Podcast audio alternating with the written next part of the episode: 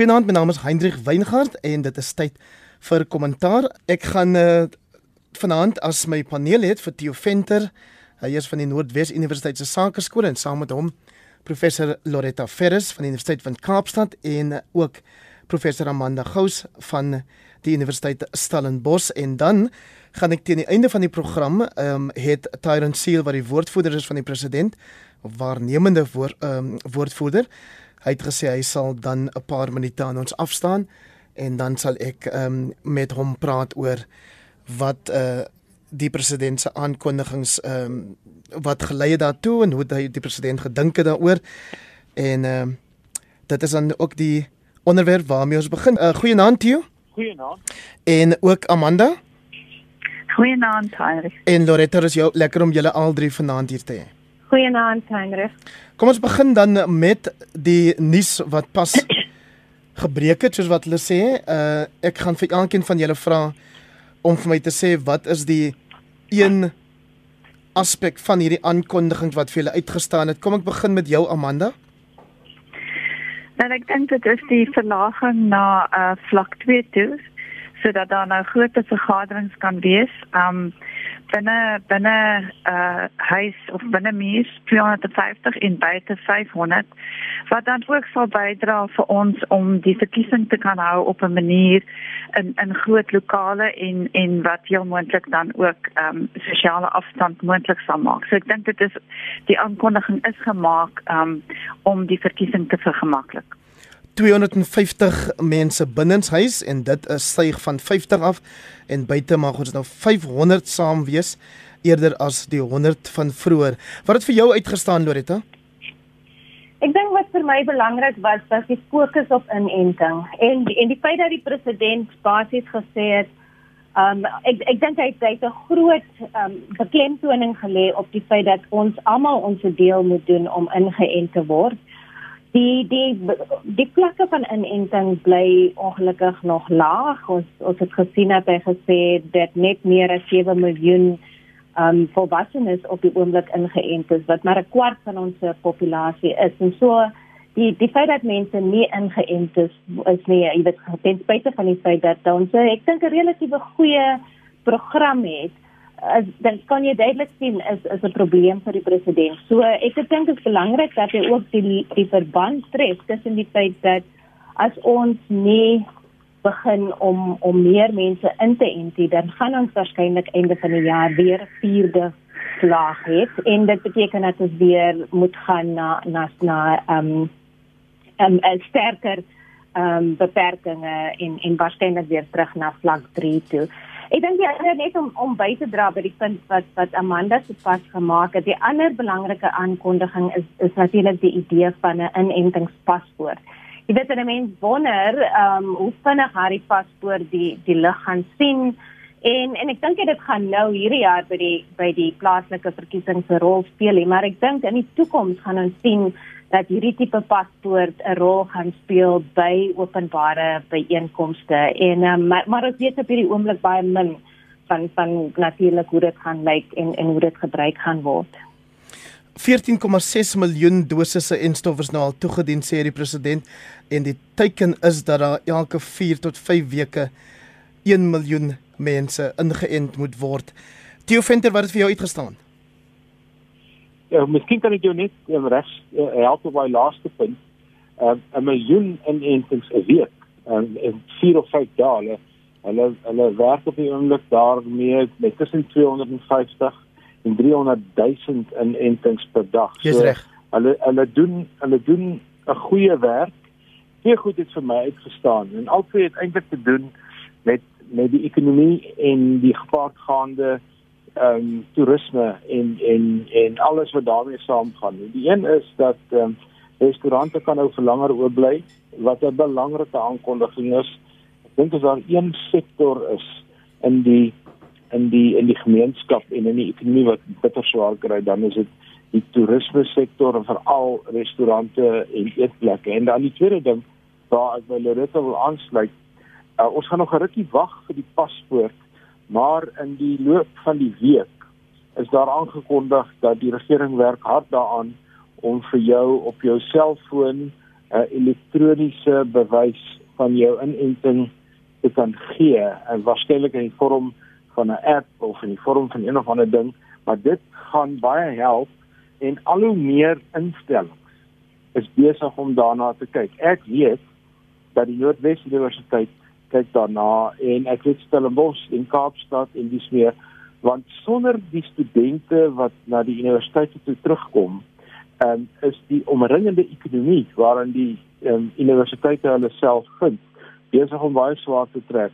Die dorpie Potchefstroom, 40% van sy ekonomie is afhanklik van die studente wat jaarliks na die universiteit toe kom. So dit is 'n geweldige belangrike punt dat ehm um, daar ingeënt word en dat jonger mense ingeënt word en ek dink wil afsluit hierdie stukkie deur net te sê dat die ehm um, president het ook verwys dat hy vertroue het in die wetenskap. En ek dink dit was eintlik 'n soort van 'n indirekte hou na die na die na die anti die anti-vaxxers in ons geleedere. Die die mense wat nie ingeënt word nie en wat um, op op Google en die plekke baie slim word oor wat hy ook kan en nie kan doen nie. En Amanda navorsing wat ons die afgelope week gesien het, dui daarop dat daar veral in die Weskaap nou 'n uh, 'n uh, onwilligheid is onder inwoners daar en dan spesifiek die breinbevolking om ingeënt te word.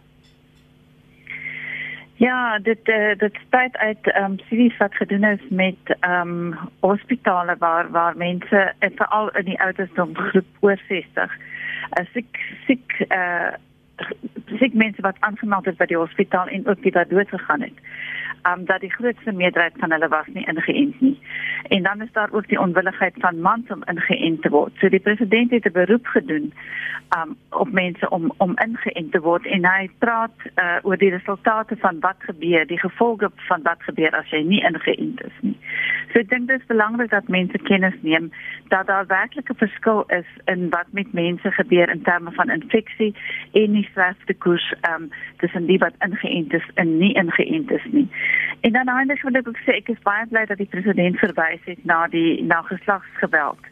Eh uh, weer eens want ek dink dit is dit is 'n pandemie en dit dit hou nie op nie en en die um, statistiek uh, tydens vroue maand is eintlik 'n geweldige teleurstelling in terme van die feit dat jy weet dit is vroue maand ons het gehoop daar's iets om te vier en die statistiek vir geweld gaan net op.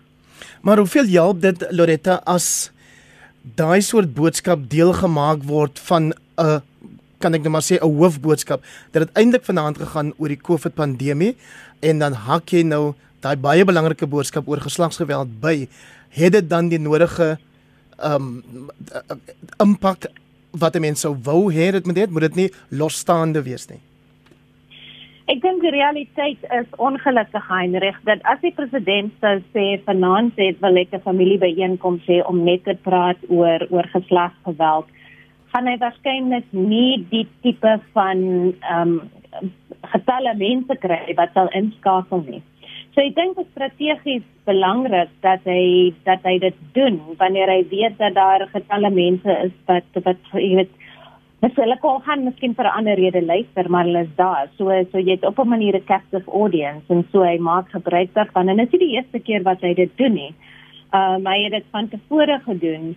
Ehm um, en ek en ek dink natuurlik ook ons moenie onderskat die manier waarop ehm um, vir veral wanneer daar beperkings is en en beperkings is vir mense om om uit te gaan wat die impak wat dit dan het ook op geslagsgeweld nie. Hoe meer mense ingeperk is, het ons gesien oor die afgelope 18 maande hoe groter raak die raak die ehm um, die geslagsgeweld. So daar is 'n korrelasie, maar ek dink in eerste plek gaan dit oor die feit dat hy hy het 'n geleentheid om 'n boodskap te lewer en en dit hoekom hy dit die afgelope paar geleenthede gedoen het. Teus, laat ek nou nie beskuldig word daarvan dat ek diskrimineer teen jou as man nie. Wat is jou gevoel oor die feit dat die president daardie boodskap ook ingesluit het? Kyk, ek ek is 'n voorstander daarvan dat 'n mens jou boodskappe baie gefokus moet lewer en dat jy dat jy moet insny op die punt wat jy werklik op wil insny. En uh, maar hier dink ek tog die die die hele kwessie van geslagsgeweld is so belangrik dat uh, dit goed geïntegreerd aangebied kon word. En ek dink hy het ook um, kortliks verwys na na die komende verkiesing wat net so belangrike kwessie is. En dit is uh, natuurlik direk verwant aan watter vlak van die um, pandemie ons gaan hê. So in hierdie geval dink ek het hy het hy die regte ding gedoen. So is daar die vraag oor hoekom word die bywoning van begrafnisse steeds tot 50 beperk Amanda terwyl jy nou sê daar kan tot 250 mense binne huis en 500 buite geakkommodeer word. Eintlik is dit nie vir my duidelik nie. Ehm um, want as 'n begrafnis buite is, dan dan behoort dit nie saak te maak nie. Miskien gaan dit oor die ehm um, die seremonies in kerke en dat daar miskien nie genoeg plek vir sosiale afstand binne kerke is nie en en of of plekke van waar mense bymekaar kom binne mens uh, vir begrafnisse nie. So ek vermoed dat dit miskien deel van die rede is. Heinrich kan ek miskien vir Amanda net aanvul daar. Ek stem met haar saam, maar tradisionele begrafnisse veral in die noordelike deel van die land, Oos-Kaap, noordelike deel van die land is uh gebeurtenisse wat oor 2 tot 3 dae strek. En 'n groot deel daarvan is in die oopte en by die by die graf en so meer, maar seker 70% van hierdie begrafnisse vind in tente plaas en dis 'n geslote ruimte met 'n verskriklike klomp mense wat saam die begrafnis, die die nagwaak, die voorwaak en alles wat daarmee saamgaan by bywoon en daar word groot ete gemaak dit is eintlik 'n baie groot event en ek dink hierdie is 'n baie belangrike punt om ook vir die luisteraars uit te wys. Soos ek baie luisteraars dink dat van die reëls rondom COVID-19 het 'n het 'n wit impak. Met ander woorde, dit het 'n beperking op mense in wit woonbuurte, tradisionele wit woonbuurte. Of dit het beperking op wit mense meer as op ander rasse. Hier is daar baie beslis 'n fokus op 'n op 'n sosio-kulturele gebruik veral onder die swart bevolking wat in werklikheid geweldig geïnhibeer word. En as daar ooit 'n 'n gebalanseerde toertjie moet wees dan is dit nou met die begrafnisse. Ek dink dit is baie belangriker as ons dink. Wil jy iets daaroor sê Loretta? Ja, ek moet saamstem met met veel. Ek dink dit gaan oor die manier waarop waarop die meeste van ons in Suid-Afrika treur, wil ek amper sê dit begrafnisse is nie net 'n oomblik wat jy iemand ter, ter aarde bestel nie. Dit is ook 'n groot sosiale geleentheid. Jy weet tipies is daar families byvoorbeeld wat mekaar vir jare nie gesien het nie. Um en en daar is 'n tipe van 'n van 'n fisiese nabyheid hmm. dat voels as deel van 'n begrafnis wat mense mekaar omhelp. Dan daar staan bedroefheid. Jy weet so so mense wil mekaar fisies ondersteun. So jy jy hou aan mekaar vas, jy daar daar baie na um, fisiese kontak. En dan natuurlik soos jy sê die, die groot etes byvoorbeeld voor die begrafnis, na die begrafnis en en mense is dan met maskers af. So so ek glo dit dit is hoekom dit 'n bietjie anders behandel word as as ander uh, byeenkomste, sosiale byeenkomste. En ek dink dit dit is bietjie anders as ander sosiale byeenkomste. So vir my maak dit sin. SMS eh, wat lees as medisy by 'n groot staatshospitaal in die Weskaap smeek ons die publiek en julle in asseblief beskerm jouself en voorkom so 'n vierde golf COVID. Theo het genoem Amanda dat die president dit ook baie duidelik gemaak het dat hy glo in die wetenskap en stowwe sê hy is veilig en effektief. Maar ons weet daar is mense soos nog 'n SMS wat sê hoekom kan daar nie vir ons gesê word wat in hierdie enstof of enstowwe is nie. Nou weet ek iemand het die ander dag gesê man, jy vra nie wat is in daai weense worsies of wat ook al wat jy koop by die supermark nie. Maar ons moet ons moet vir daai mense op 'n ernstige manier 'n verduideliking kan gee. Amanda? Ja, wel ek meen uh, as ons nou kyk na na die medisyne wat mense koop, net pille en so aan en jy kyk net daai foubeljet wat binne in die pakkie is gaan jy regtig verstaan wat al daai bestanddele is. Jy, jy kyk daarna en jy probeer daarvan sin maak. Nou ek dink dit is presies dieselfde met met die enstof. Hoe hoeveel sin gaan mense daarvan kan maak? Ehm um, ek dink daar's die kommer oor die feit dat uh party ehm um, enstof word gemaak met 'n deel van 'n lewendige virus en die ander word gemaak met uh, 'n uh, sintetiese stof uh en dit werk op verskillende maniere dit heg aan die virus op verskillende plekke. Ehm um, en daar's mense wat glo dat hierdie sintetiese bestanddele uh 'n moontlikheid het om jou eie DNA, RNA te verander. Ehm um, ek dink nie dit is so nie. Ek dink as dit wel die geval was sou ons dit nou al teen hierdie tyd gesien het want hierdie hierdie ehm um, proewe met hierdie enstowwe gaan aan. Dit gaan elke dag aan en ons wo ons word al meer bewus wat gebeur met mense wat ingeënt is omdat dit dit nou al oor 'n relatiewe lang tydperk strek veral in in Europa ehm um, en so aan. So as dit werklik die geval was dat dat dit ehm um, iets aan ons RNA doen dan sou ons al in hierdie tyd daarvan bewus gewees het. So ek dink mense soek 'n rede om nie ingeënt te word nie. Ehm um, maar die feit dat dat ek dit so stel. Ehm um, jou kanse om uh van die enstof iets oor te kom is baie laag as om van die uh virus self dood te gaan. So mense moet maar daai sommetjie maak. Ehm um, maar ek ek dink net ons kan net ehm um, herd immunity kry as ons ten minste 70% van die bevolking ingeënt het en wat beteken dat ons nou weer na 'n 'n relatiewe vlak van normaliteit kan terugkeer. Ehm um, so elkeen van ons daar is eintlik 'n uh, ehm um, 'n verpligting op elkeen van ons om ingeënt te word sodat ons almal saam hierdie herd immunity kan veroorsaak. En mense wat wat teestrubbel hierteen gaan hierdie proses net soveel langer laat neem. Theo hier is 'n boodskap van Petro wat sê as die media en politici nie die hele COVID so in mense se kele afgeforceer het nie sou mense dalk nie so versigtig gewees het nie. Ek skakel deesdae af as die bespreking begin so ek luister nie meer nuus nie, maar Petro is ingeskakel.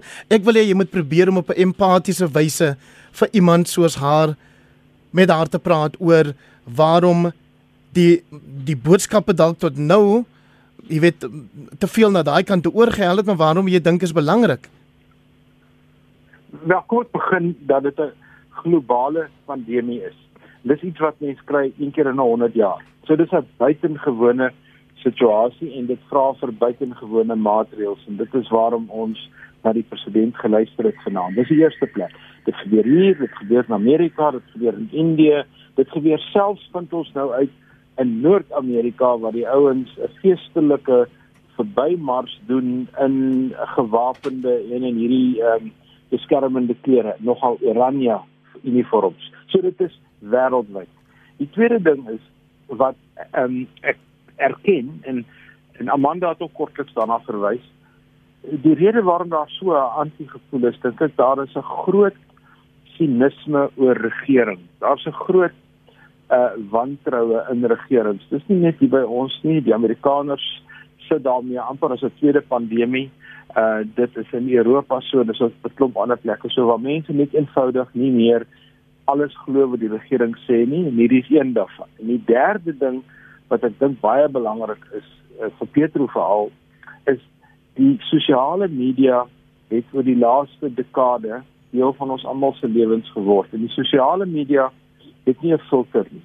So jy kan direk lees wat mense sê sonder dat dit op enige manier geredigeer of reggestel of soos wat ons in die akademie doen dat daar 'n ewe knie oorweging was vir is dit wat jy skryf regtig die moeite werd? Is dit wat jou vakrigting vir jou sê die standaard is van jou navorsing? Dit bestaan nie in die sosiale media nie. Met ander woorde enige ding waaraan enige mens dink die grootste klomp bog kan op die internet geskryf word en dit kry 'n lêplek en dit kry 'n leesplek by iemand. En dan die laaste ding wat ek wil sê is dat ons moet onthou die inentings, die vaksines waaraan ek blootgestel as iemand wat oor 60 is, was ou orde vaksines. Is op 'n sekere manier gemaak, ehm um, uh deur diere te gebruik en eiers te gebruik en allerlei sulke goed. Die moderne vaksines is alles sinteties. En wat ons nou kry is 'n voordeel van die navorsing wat oor ten minste 20 jaar al gedoen word om te soek na die oplossing vir iets wat Suid-Afrika ook baie seer maak en dis die HIV, die die AIDS probleem en van die afleweringsplatforms wat oorweeg word. En is gebruik om hierdie vaksin toe te dien en ons vind uit dit werk tot so 'n mate dat sekere universiteite wat baie ver gevorder is in navorsing oor HIV is nou weer terug om te kyk nou hoekom werk hierdie vaksin so suksesvol en dan die laaste ding en Amanda het ook daarop gewys. Hierdie is waarskynlik die grootste wetenskaplike eksperiment op verskillende maniere deur vier of vyf kompeterende vaksines nog ooit in die wêreld se geskiedenis op die kortste moontlike tyd, so omtrent 'n jaar wat dit gevat het. Hierdie is hierdie is regtig 'n belangrike ding om van deel te wees.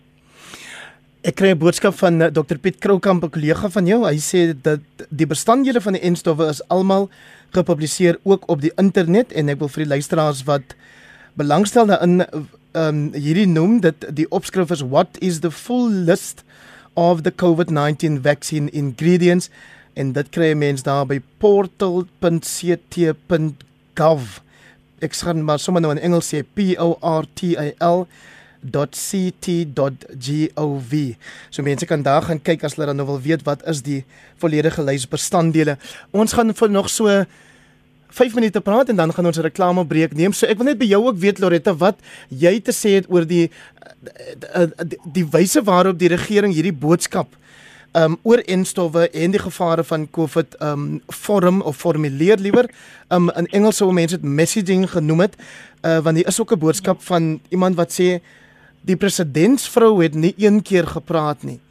En nou weet ek nie of daar by meer mense so 'n verwagting is dat ons dalk met sulke kwessies ook vroue leiers in die algemeen dalk moet meer moet hoor nie. Ja, miskien net daar te begin. Ons sit nie soos die Amerikaners die gebruik dat dat die presidentsvrou um, 'n sekere politieke rol speel um, om om haar man te ondersteun nie. En en ek het nie 'n probleem daarmee nie want ek dink nie noodwendig um, die presidentsvrou hoef geïdentifiseer te word in terme van haar rol um, en in terme van haar verhouding met met haar man nie. Ehm um, maar jy sê ek dink dink ehm um, vroue leiers ehm uh, moet die moet die voorstel ook neem in terme van hierdie boodskap. Maar want vir alles is sien hoe interessant dit is dat ehm um, baie van die van die vroue presidente 'n baie spesifieke rol gespeel het gedurende COVID. Jy jy jy sien byvoorbeeld dat uh, dat in Nieu-Seeland ehm um, die daar was 'n baie spesifieke benadering byvoorbeeld met met lockdown baie vroeër as ander lande en dieselfde met met ander lande wat waar daar ook vroue was. So en dan weer interessant hoor ons vanaand dat meer vroue ingeënt is as mans. So so dit lyk asof daar 'n groter amper tipe van verantwoordelikheid is wat vroue op hulle neem. En en ek dink en, en soos wat die president ons almal gevra het vanaand, dit is ons ons moet almal in hierdie in hierdie rolle wat ons het as vroue, ehm um, vra dat mense hulle self moet inent en ek dink beide van die kollegas het het vroeër al die redes gesê hoekom ons dit moet doen. Ek dink die volgende belangrike gesprek Heinrich wat by die regering op die tafel sal moet lê is of ons inenting verpligtend gaan maak Ehm um, en en hierdie gesprekke sou al begin nou al in die besigheid waar om as gevolg van die feit dat die dat die wet op ehm um, beroepsveiligheid en en en ehm um, gesondheid daar nou 'n direktief is wat sê dat besighede kan self besluit of hulle die die inenting ehm um, verpligtend wil maak en indien wel is daar sekere voorwaardes waaraan voldoen moet word. So ek dink en jy weet dit dit gaan die volgende belangrike gesprek wees en ons sien Amerika is al reeds daar wat hulle gesê het enige besigheid met met 'n sekere aantal werknemers moet dit verpligtend maak. Ons het 'n ander pad, ons het besluit besighede kan self besluit, maar ek sien ook dat baie besighede vra dat die regering 'n aanduiding moet gee of ons dit verpligtend moet maak al dan nie. Amanda, wil jy iets kort daaroor sê voordat ek vir die reklamebreek gaan? Wel, jy weet as ons nou praat van 'n uh, inentingspaspoort, ehm um, dan gaan daar baie beperkings wees op baie plekke waar mense heen wil gaan. So dit gaan 'n manier word om mense te dwing om ingeënt te word. En my kommer is dat ons baie vinnig vervalste paspoorte gaan kry. Ehm um, en dit is ironies, nee, jy kry die inenting verniet, maar jy jy gaan moet betaal vir een of ander vervalsing van 'n paspoort. So nee, dit dit dit bekommer my net dat daar swart mark daarvoor gaan word. So ehm um, jy weet ek dink ons sal baie goed moet dink op watter manier dwing ons dan ehm um, 'n uh, inentingspaspoort af. Jy weet dit is net by plekke van sosiale byeenkomste soos restaurante, ehm um, sokkerstadiums en so aan of uh, of net in die werkplek of hoe gaan ons dit bestuur? En ons het gehoor Theo dat die president sê hy het met alle politieke leiers gepraat dat hulle asseblief maar moet hou by die voorskrifte of die maatreëls wanneer hulle verkiesings by einkomste hou, maar jy weet dat Julius Malema reeds in die week gesê het die die EFF gaan hulle maar glad nie daaraan steur nie. Ja, ons kan dit ons kan dit van hom verwag en daar is feitelik geen sanksie wat hulle op hom kan toepas as hy as hy nie gehoor gee daaraan nie. Ek twyfel of die polisie iets daaraan sal doen. En ehm um, dit is maar weer eens tipiese EFF optrede. Hulle gaan die stelsel uitdaag, maar ek dink die meeste ander politieke partye gaan die verantwoordelike ding doen en ek dink natuurlik hulle kon dit al lankal begin het en baie het dit alreeds lankal begin op die sosiale media en op baie ander soorte platforms want dit is 'n verkiesing onder buitengewone omstandighede. Ehm um, en die die vraag is net hoe gaan die media dit hanteer? Want as daar 'n groot byeenkoms is van die EFF, sê nou maar op een van die sokkerstadions of waar ook al, dan gaan mense dit net weet as dit ligtyd kry. Mense gaan dit net weet as hulle dit sien en as hulle dit lees. So die vraag is ook wat is die media se verantwoordelikheid of gaan die EFF weer lekker um, media stories maak waarheen die joernaliste gaan gaan saam kook om daarby om daarby uit te kom. Maar ek dink die meeste verantwoordelike partye gaan die reëls nakom en ek dink die verkiesing gaan plaasvind behalwe vir een of twee uitdagings waar ons by ons seker nog sal kom wat waar sekere besluite wat die OVK geneem het deur die DA onder andere nie aanvaar word nie.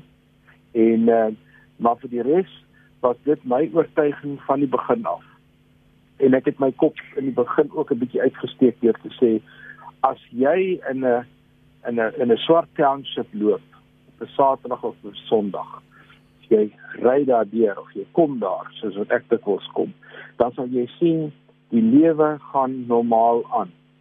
Heeltemal normaal buite die normale reëls. Drank word verkoop mense staan mense het nie 'n um, sosiale afstand nie en so meer en so meer. As dit in 'n township plaas en as mense in toue staan vir hulle SASSA geld en vir 'n klomp ander goed kan ons maar 'n verkiesing hou. Ek het nie gedink die gogga maak vir baba bang oor wat die COVID-19 moontlik kan doen om uh, om 'n vierde golf te veroorsaak. Ek het net gedink dit was vergaande uh om dit te wil argumenteer. Loretta rapport vandag in hulle redaksionele kommentaar kritiseer vir Glen Mashinini van die OVK, voorsitter van die OVK oor hierdie besluit om 'n nuwe tydlyn daar te stel.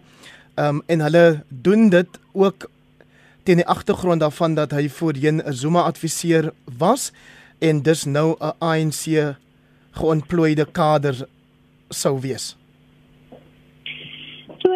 'n paar goed om te sê hier oor in die eerste plek ek ek stem saam met jou dat ehm um, dit dit was vir my ook onduidelik hoekom die daar in die eerste plek deur die OVK die die die ehm um, en die die posisie ingeneem het dat ons nie 'n verkiesing kan hê nie. Ander lande het dit gedoen en en daar is geen rede hoekom ons dit nie kan doen onder streng COVID um, onder om, omstandighede. Ehm um, maar ja, ons ons is nou gewoond om aan in lyne te staan en om verder van mekaar af te staan en en dit gaan waarskynlik daar sal heelwat uitdagings wees. Maar ek dink wat gebeur het nou is is dat die uitdaging amper groter is ehm um, as gevolg van die feit dat die die besluit so laat geneem is. En en ek dink dit maak sin om om die lys weer oop te maak vir die, vir die ANC. Ehm um, ons moet nou al lankal kiesersregistrasie gehad het. En mens kan argumenteer dat daar 'n situasie is kan wees dat daar van die mense wat jong mense byvoorbeeld ehm um, wat wat nog nie geregistreer is nie wat nou kan registreer wat vir die eerste keer uh, mag registreer dalk op 'n lys kan wees van 'n party. So so dit maak vir my sin ek so ek ek is nie heeltemal seker hoekom die DA dan ook voel hulle wil hierdie besluit hof toe vat, want dit gaan vir my oor groter inklusiwiteit. Dit gaan vir my oor die feit dat ons moet seker maak dat alle partye verteenwoordig is en dat alle partye breed verteenwoordig is. En as weer die ANC het dit allerlei interne probleme en en deel van daai interne probleme is natuurlik ook die feit dat hulle nie salarisse kan betaal aan hulle se werknemers nie. En met die gevolg dat hulle die verskriklike blunder gehad het wat wat hulle se lyste nie volledig was nie. Maar ek dink dit waaroor dit gaan nie. Dit gaan oor die feit dat ons moet seker maak dat in 'n demokratiese verkiesing moet ons inklusiwiteit hê. Ehm um, en die feit dat ons nou vir mense die geleentheid kan gee om te registreer, die feit dat ons nou vir partye die geleentheid gee om weer te kyk na hulle lyste, gee vir my ehm um, gemoedsrus dat dat ons probeer om so so inklusief moontlik te wees. Het jy nou vir ons gesê ons moet tog maar verstaan dat die ANC nou al daai probleme in Lotuli huis en en daarom jy weet um, het hulle nou laat hulle kandidaate lyste ingehandig of onvolledig ingehandig. En uh, so kom ons gee hulle maar weer kans. Wat wat as ons by 'n situasie kom? En ek weet ek trek dit dalk nou te ver maar wat as ons by 'n situasie kom waar partye vir jou sê hoorie uh, ons kan nie die uitslag van die verkiesing aanvaar nie want ons het nie voldoende geld of tyd gehad om um ordentlik of behoorlike veldtog te voer nie. So so Ja, maar ek um, um ek dink ons moet hier na die groter prentjie kyk. Um as as uh die die um moontlikheid om die kandidaate te registreer uh, nie weer oopgemaak is nie, dan kon daar gesê gewees het dit was nie 'n vry uh, en 'n regverdige verkiesing nie. So jy wil daardie ding vir my. So ek weet as mense nou na die tyd gaan sê dit is nie vry en regverdig nie omdat uh omdat dit wel 'n moontlikheid was dat dat die ANC na die sperdatum hulle kandidaate kon registreer. Jy weet maak nie saak watter kant van die munt nie mense gaan gaan kla daaroor. Maar ek dink dit is werklik belangrik um, dat ons na die groter prentjie kyk want dit dit help al die partye. Dit help nie net die ANC nie. Meer um, onafhanklike kandidaate kan nou registreer.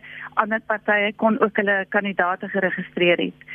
Um, So so dit is belangrik om dat mense kan sê in terme van vry en regverdig dat dat daar hierdie moontlikheid was.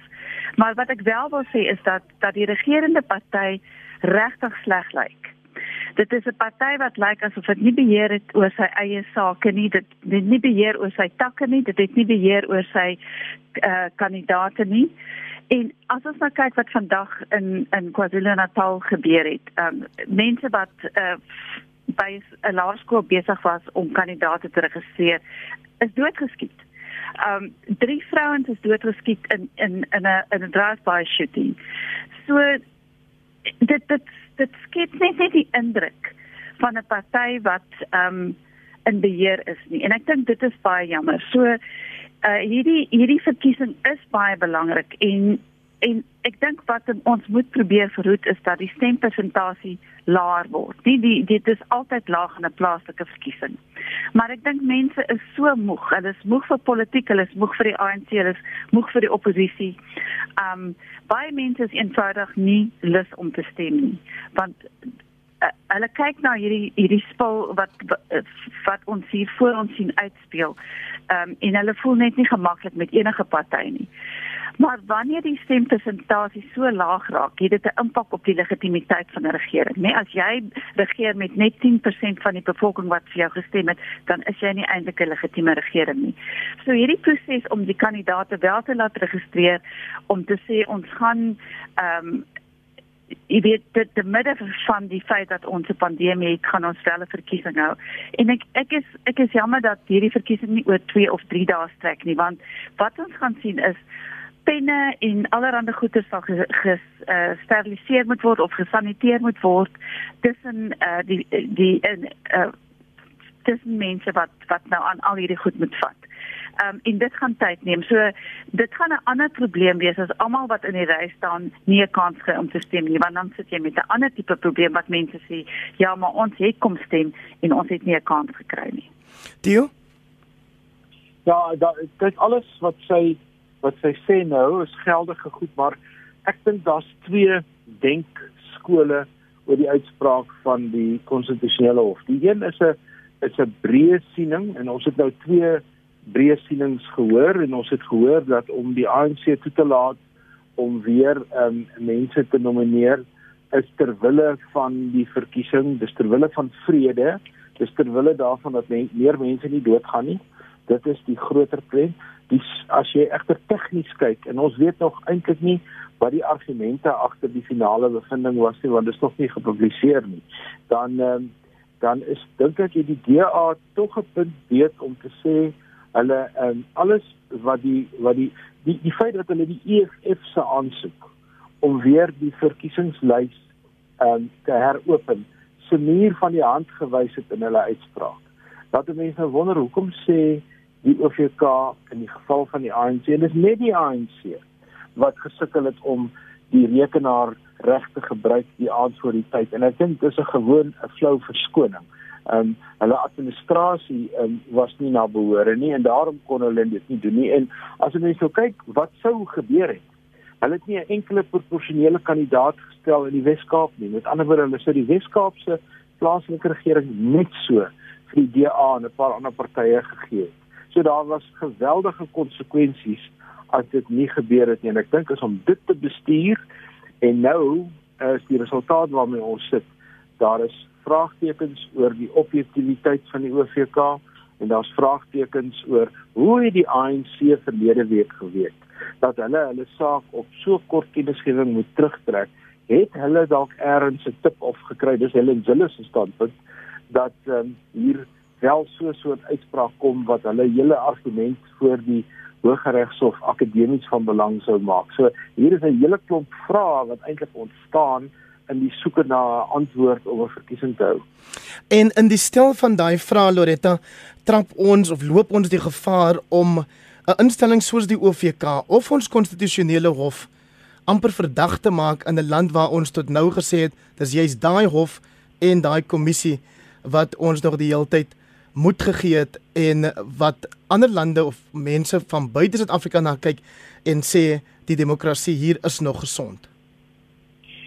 Ja, jy weet ek ek wil my nie vreeslik steur aan aan suggesties veral jy weet dat die dat die grondwetlike hof dat dalk 'n tip of gegee het vir die ANC. Nee, ek meen dit maak geen sin nie. Dit dit, dit ons sit met 'n met 'n instelling wat ehm um, wat die die feit dat hulle die hoogste hof in die land is baie baie ehm um, ernstig in oorweging neem en en dit is amper jy weet ek wil sê belaglik om te sou dink dat hulle op hierdie manier sou sou optree.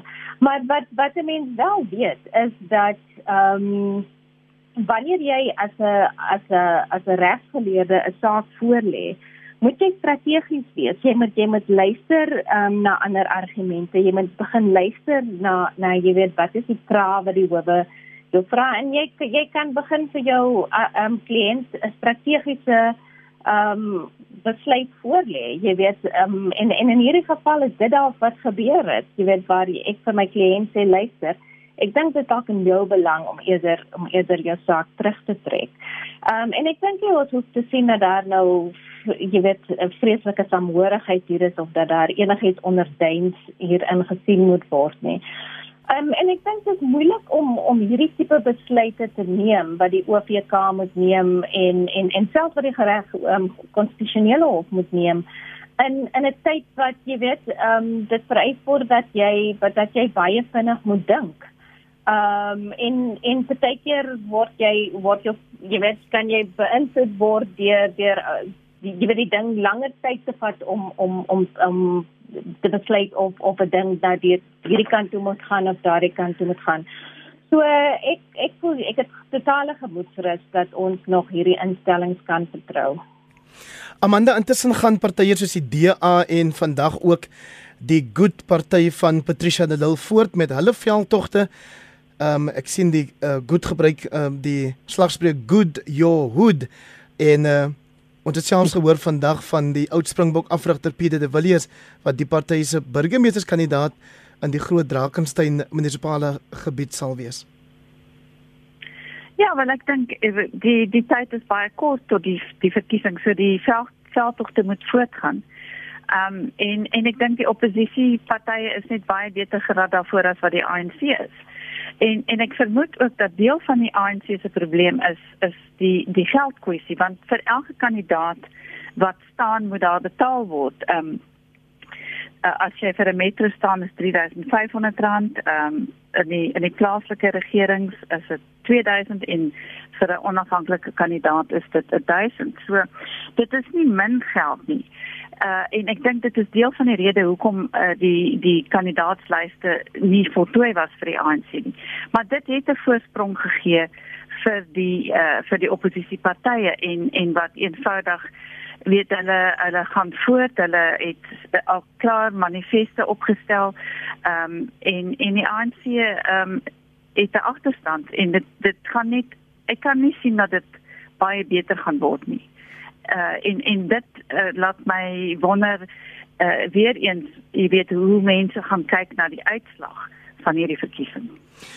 Dio is die aanwys van bekendes as kandidate 'n aanwins of meestal 'n bemarkingsfoefie? In baie gevalle is dit natuurlik goeie bemarking want 'n bekende persoon maak jou uh, politieke bemarking net makliker. En ehm um, ons het al gesien waar bekende persone, name wat op nasionale vlak figureer, eintlik misluk as politici. Dit is ook 'n bekende verskynsel, maar ek dink politieke partye soek altyd vir hierdie soort kandidate wat op sigself eintlik al reeds 'n goeie profiel het waarom hulle kan bou en dit help natuurlik om mense te trek na vergaderings toe deur te sê persoon A of B of C gaan by die vergadering wees dan is jy seker daar gaan meer mense kom. So ek dink dit is so 'n bietjie 'n balans tussen die twee, maar um, ek het ongelukkig baie deeglike kennis van groot ehm um, profielmense wat uh, se wiele heeltemal afgeval het toe hulle politici geword het want die politieke spel is 'n ander spel. Dit is 'n wrede spel en dis 'n spel waar jy ehm um, waar dit wat jou gebring het totdat jy 'n nasionale profiel gekry het, ehm um, kan dit binne 'n jaar of twee heeltemal uitmekaar uittrek. Loretta in hierdie verkiesing lyk dit my gaan die die rol of die teenwoordigheid van onafhanklike kandidaate 'n belangrike um aspek wees Musi Maimane voorheen DEA leier en sy one is 'n uh, beweging is aan die voortou om onafhanklike kandidaate geregistreer te kry. Watter verskil dink jy sal dit maak? Ek dink Amanda was reg, jy weet mense is regtig nou op 'n op 'n stadium wat ons gesien het oor die die afgelope 25 jaar ehm um, dat die ANC nie al kan lewer vir alle vir alle plaaslike vlak. Ehm um, as dit kom by basiese dienste sien ons te neem dat die ANC nie ehm um, en in stand is om om af om goeie lewering dienslewering te doen nie. So uh, ek dink as dit kom by by die plaaslike verkiesings is mense gereed vir verandering.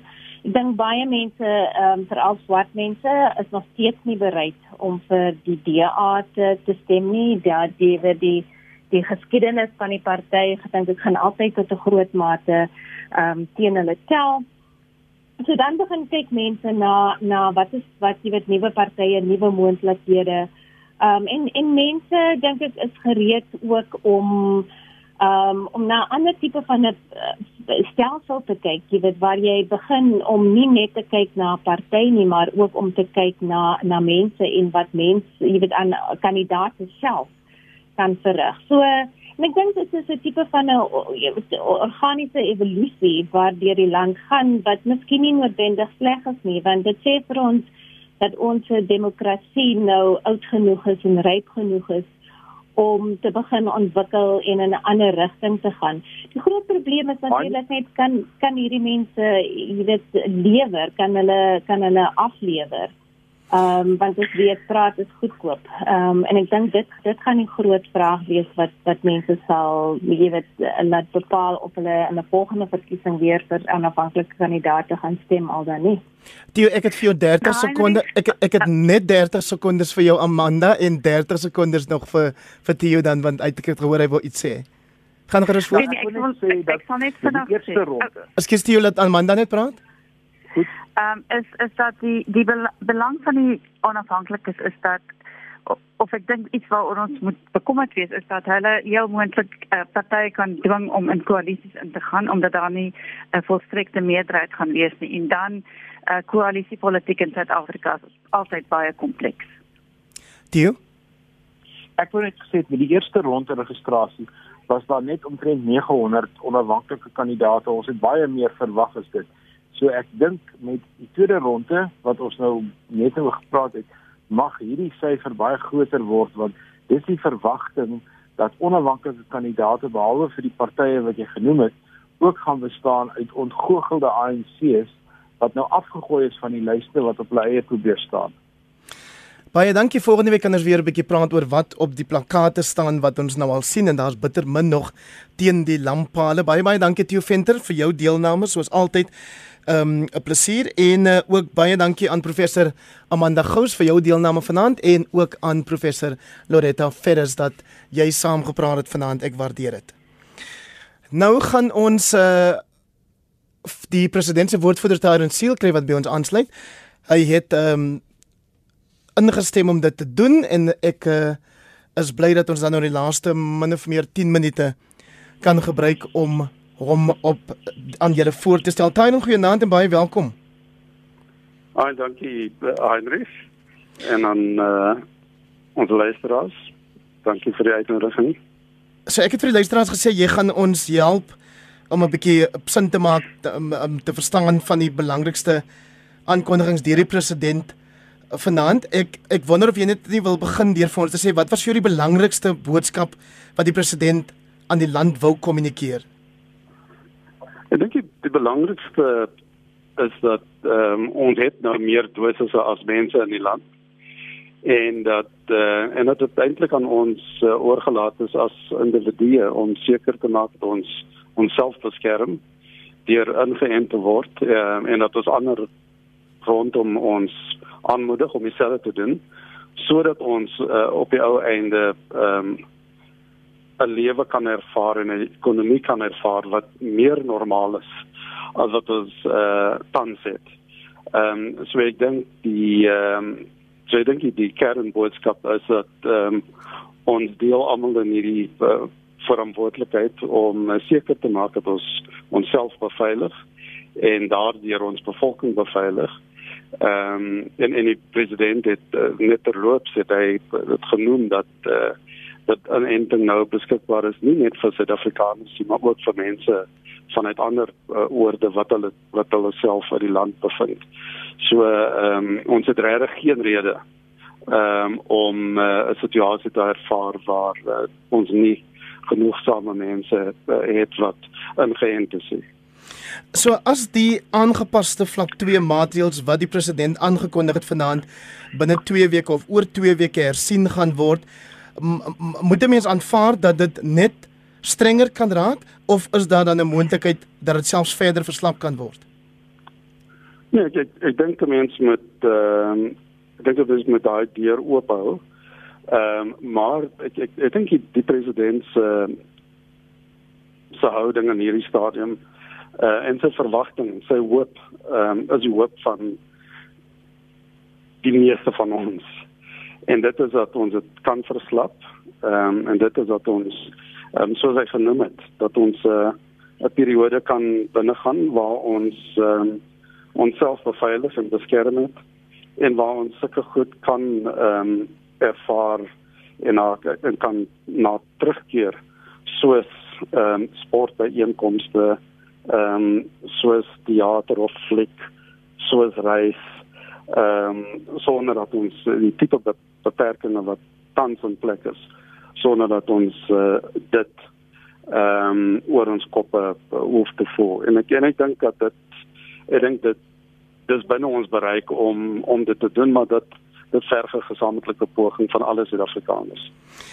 Daarin die president het ook gesê ehm um, dat of geraak aan die kwessie van 'n sogenaamde inentingspaspoort. Ehm um, maar mense wonder tog hoekom daar nie nou reeds meer ruimte geskep word vir mense wat ingeënt is nie. Maar ek ek dink die ehm um, ek dink dit dit is moeilik in in hierdie stadium is dit moeilik om ehm um, om daai tipe stelsel ek dink te implementeer. Ehm um, ons leer uit uit baie ander lande dat dit dit werk vlotter. Ehm um, dit dit verloop gladder as mense ehm um, een of ander ehm um, bewys het en ook bewys 'n bewysstuk het wat wat ook ek dink konsekwent is ehm um, oor ehm um, byvoorbeeld die die vers, verskillende enstowwe in hierdie stadium uh, sal jy sien dat as jy by een plek ingeënt word en ek by 'n ander ehm uh, en dit hang af van uh, ook van watter enstof gebruik word dat ons dalk met ehm um, verskillende tipe ehm um, ehm um, sertifikate opeindig. En uh, en en so oorweging word daar aangegee dat 'n mens dat 'n mens uh, 'n dokument of 'n digitale uh, bewysstuk gebruik wat vir jou uh, wat konsekwent gaan wees en wat ehm um, beslis binne die land en op in 'n stadium hopelik buite die land aanvaar sal word as amptelike bewys dat jy beveilig is.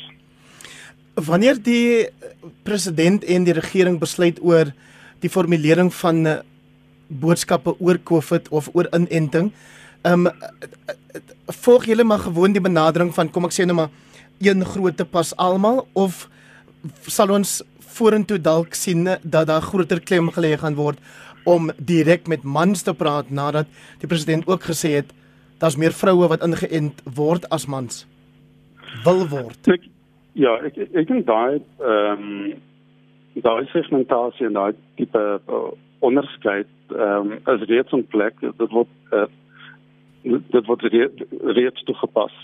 Ehm um, in die manier waar ons waar ons uitreik na verskillende sektore van die gemeenskap en in die manier waarop ons uh, kommunikeer.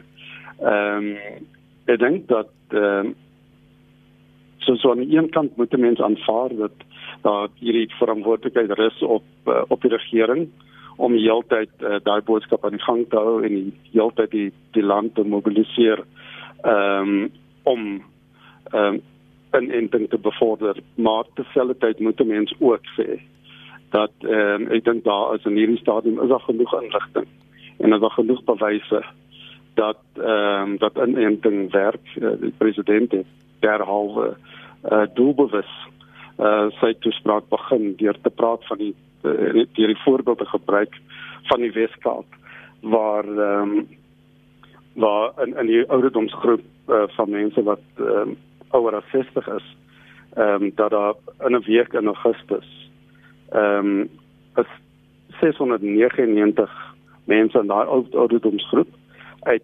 729 wat uh, in hospitale opgeneem is is dan net 30 mense wat ehm um, ingeënt was. Ja, ons ons het die en, ons het die eh, toespraak uitgesaai hoor so so Ja, nee, nee, ja. maar nee, maar maar sê maar net dat dat dit is hoekom hy hoekom hy daai syfers en daai voorbeelde gebruik het om te sê dat ehm um, as ons net hierdie stap sou neem en dit is 'n baie eenvoudige stap, dit word al hoe makliker ehm um, by die dag en ehm um, en en as ons net daai daai geleentheid sou opneem, ehm um, kan ons seker maak dat uh, almal van ons ingeënt word en dat ehm um, ons manier van leef uh, in in tot 'n groot mate verander.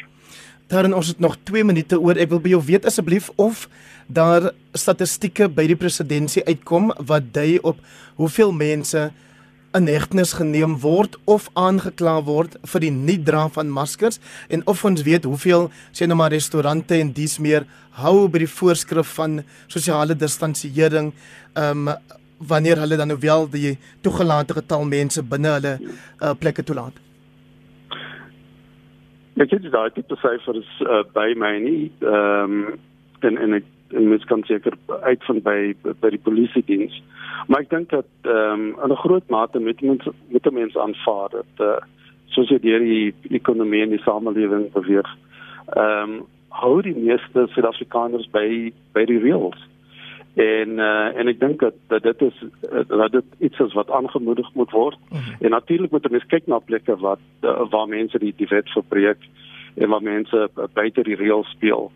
Maar ehm um, ek dink dat die die vordering wat ons gemaak het oor die afgelope 16 maande, 17 maande, ehm um, dat dit uh, beduidend is op uh, op die manier uh, hoe Suid-Afrikaners ehm um, wel ehm um, binne die reëls kan speel, by die wet kan hou en uh, en dit het verseker dat ons uh, dit dit dit het moontlik gemaak vir ons om uh, op aan soos nou. hierdie Ja. ehm um, na 'n nuwe vlak toe te beweeg.